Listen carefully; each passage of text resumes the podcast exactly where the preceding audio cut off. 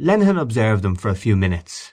Then he walked rapidly along beside the chains at some distance, and crossed the road obliquely. As he approached Hume Street corner he found the air heavily scented, and his eyes made a swift anxious scrutiny of the young woman's appearance.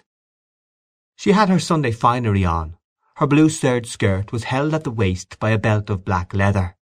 The great silver buckle of her belt seemed to depress the centre of her body, catching the light stuff of her white blouse like a clip. She wore a short black jacket with mother-of-pearl buttons and a ragged black boa. The ends of her tulle collarette had been carefully disordered, and a big bunch of red flowers was pinned in her bosom, stems upwards. Lenehan's eyes noted approvingly her stout, short, muscular body.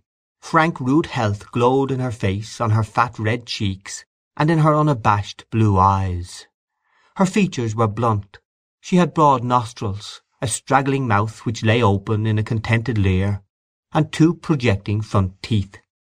As he passed Lenehan took off his cap, and after about ten seconds Corley returned the salute to the air. This he did by raising his hand vaguely, and pensively changing the angle of position of his hat. Lenehan walked as far as the Shelbourne Hotel, where he halted and waited. After waiting for a little time he saw them coming towards him, and, when they turned to the right, he followed them, stepping lightly in his white shoes down one side of Merrion Square. As he walked on slowly, timing his pace to theirs, he watched Corley's head, which turned at every moment towards the young woman's face like a big ball revolving on a pivot.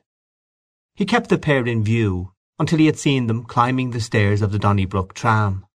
Then he turned about and went back the way he had come. Now that he was alone his face looked older. His gaiety seemed to forsake him, and as he came by the railings of the Duke's lawn he allowed his hand to run along them. The air which the harpist had played began to control his movements. His softly padded feet played the melody, while his fingers swept a scale of variations idly along the railings after each group of notes. He walked listlessly round Stephen's Green, and then down Grafton Street. Though his eyes took note of many elements of the crowds through which he had passed, they did so morosely. He found trivial all that was meant to charm him, and did not answer the glances which invited him to be bold.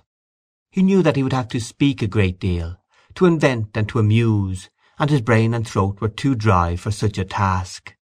The problem of how he could pass the hours till he met Corley again troubled him a little. He could think of no way of passing them but to keep on walking. He turned to the left when he came to the corner of Rutland Square, and felt more at ease in the dark, quiet street, the sombre look of which suited his mood. He paused at last before the window of a poor-looking shop, over which the words Refreshment Bar were printed in white letters. On the glass of the window were two flying inscriptions, Ginger Beer and Ginger Ale. A cut ham was exposed on a great blue dish, while near it, on a plate, lay a segment of very light plum pudding. He eyed this food earnestly for some time, and then, after glancing warily up and down the street, went into the shop quickly. He was hungry, for except some biscuits which he had asked two grudging curates to bring him, he had eaten nothing since breakfast time. He sat down at an uncovered wooden table opposite two work girls and a mechanic. A slatternly girl waited on him. "How much is a plate of peas?" he asked. "Three halfpence, sir," said the girl. "Bring me a plate of peas," he said, "and a bottle of ginger beer." He spoke roughly in order to belie his air of gentility, for his entry had been followed by a pause of talk. His face was heated. To appear natural he pushed his cap back on his head and planted his elbows on the table. The mechanic and the two work girls examined him point by point before resuming their conversation in a subdued voice. The girl brought him a plate of grocer's hot peas, seasoned with pepper and vinegar, a fork, and his ginger beer. He ate his food greedily, and found it so good that he made a note of the shop mentally. When he had eaten all the peas he sipped his ginger beer, and sat for some time thinking of Corley's adventure. In his imagination he beheld the pair of lovers walking along some dark road, he heard Corley's voice in deep energetic gallantries, and saw again the leer of the young woman's mouth. This vision made him feel keenly his own poverty of purse and spirit. He was tired of knocking about, of pulling the devil by the tail, of shifts and intrigues. He would be thirty-one in November. Would he never get a good job? Would he never have a home of his own? He thought how pleasant it would be to have a warm fire to sit by, and a good dinner to sit down to. He had walked the streets long enough with friends and with girls. He knew what those friends were worth. He knew the girls too. Experience had embittered his heart against the world, but all hope had not left him.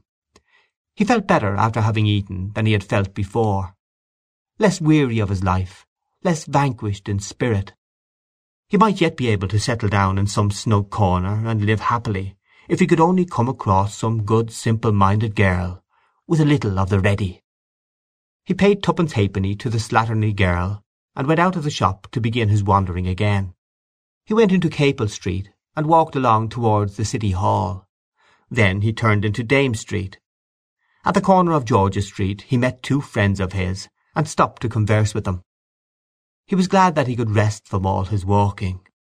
His friends asked him had he seen Corley and what was the latest. He replied that he had spent the day with Corley. His friends talked very little. They looked vacantly after some figures in the crowd, and sometimes made a critical remark. One said that he had seen Mac an hour before in Westmoreland Street. At this Lenehan said that he had been with Mac the night before in Egan's.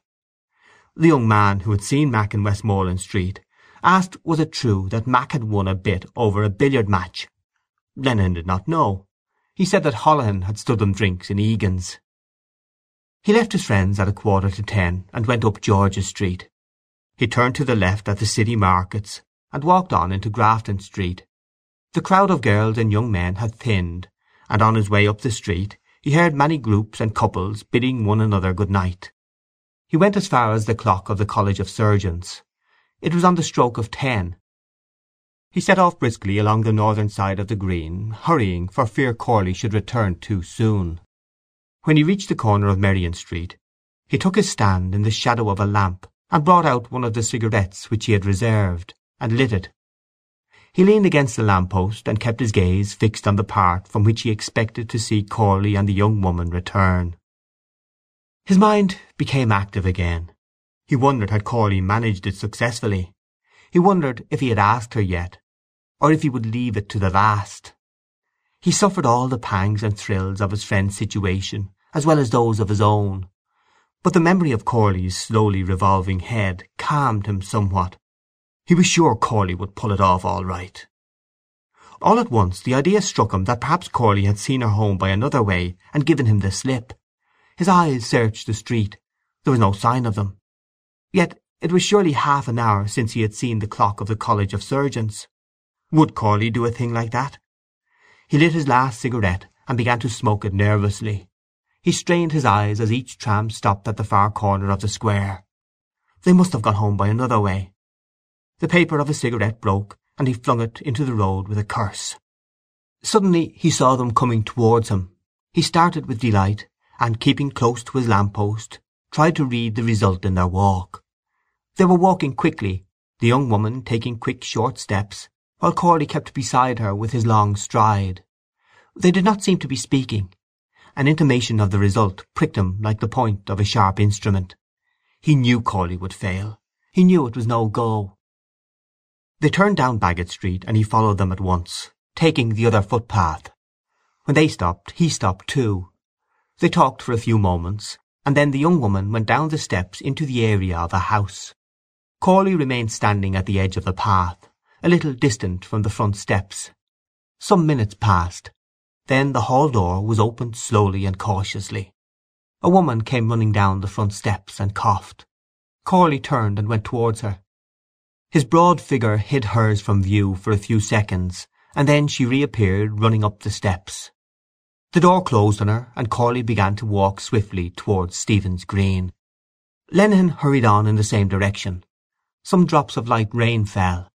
He took them as a warning, and, glancing back towards the house which the young woman had entered, to see that he was not observed, he ran eagerly across the road. Anxiety and his swift run made him pant. He called out, "Hello! Corley!" Corley turned his head to see who had called him, and then continued walking as before.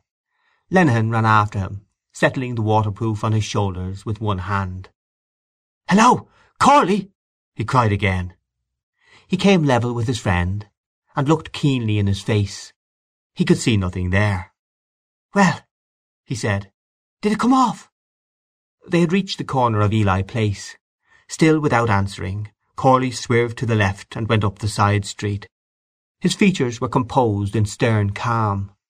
Lenehan kept up with his friend, breathing uneasily.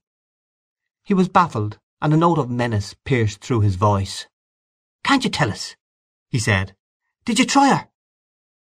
Corley halted at the first lamp, and stared grimly before him. Then, with a grave gesture, he extended a hand towards the light, and, smiling, opened it slowly to the gaze of his disciple. A small gold coin shone in the palm.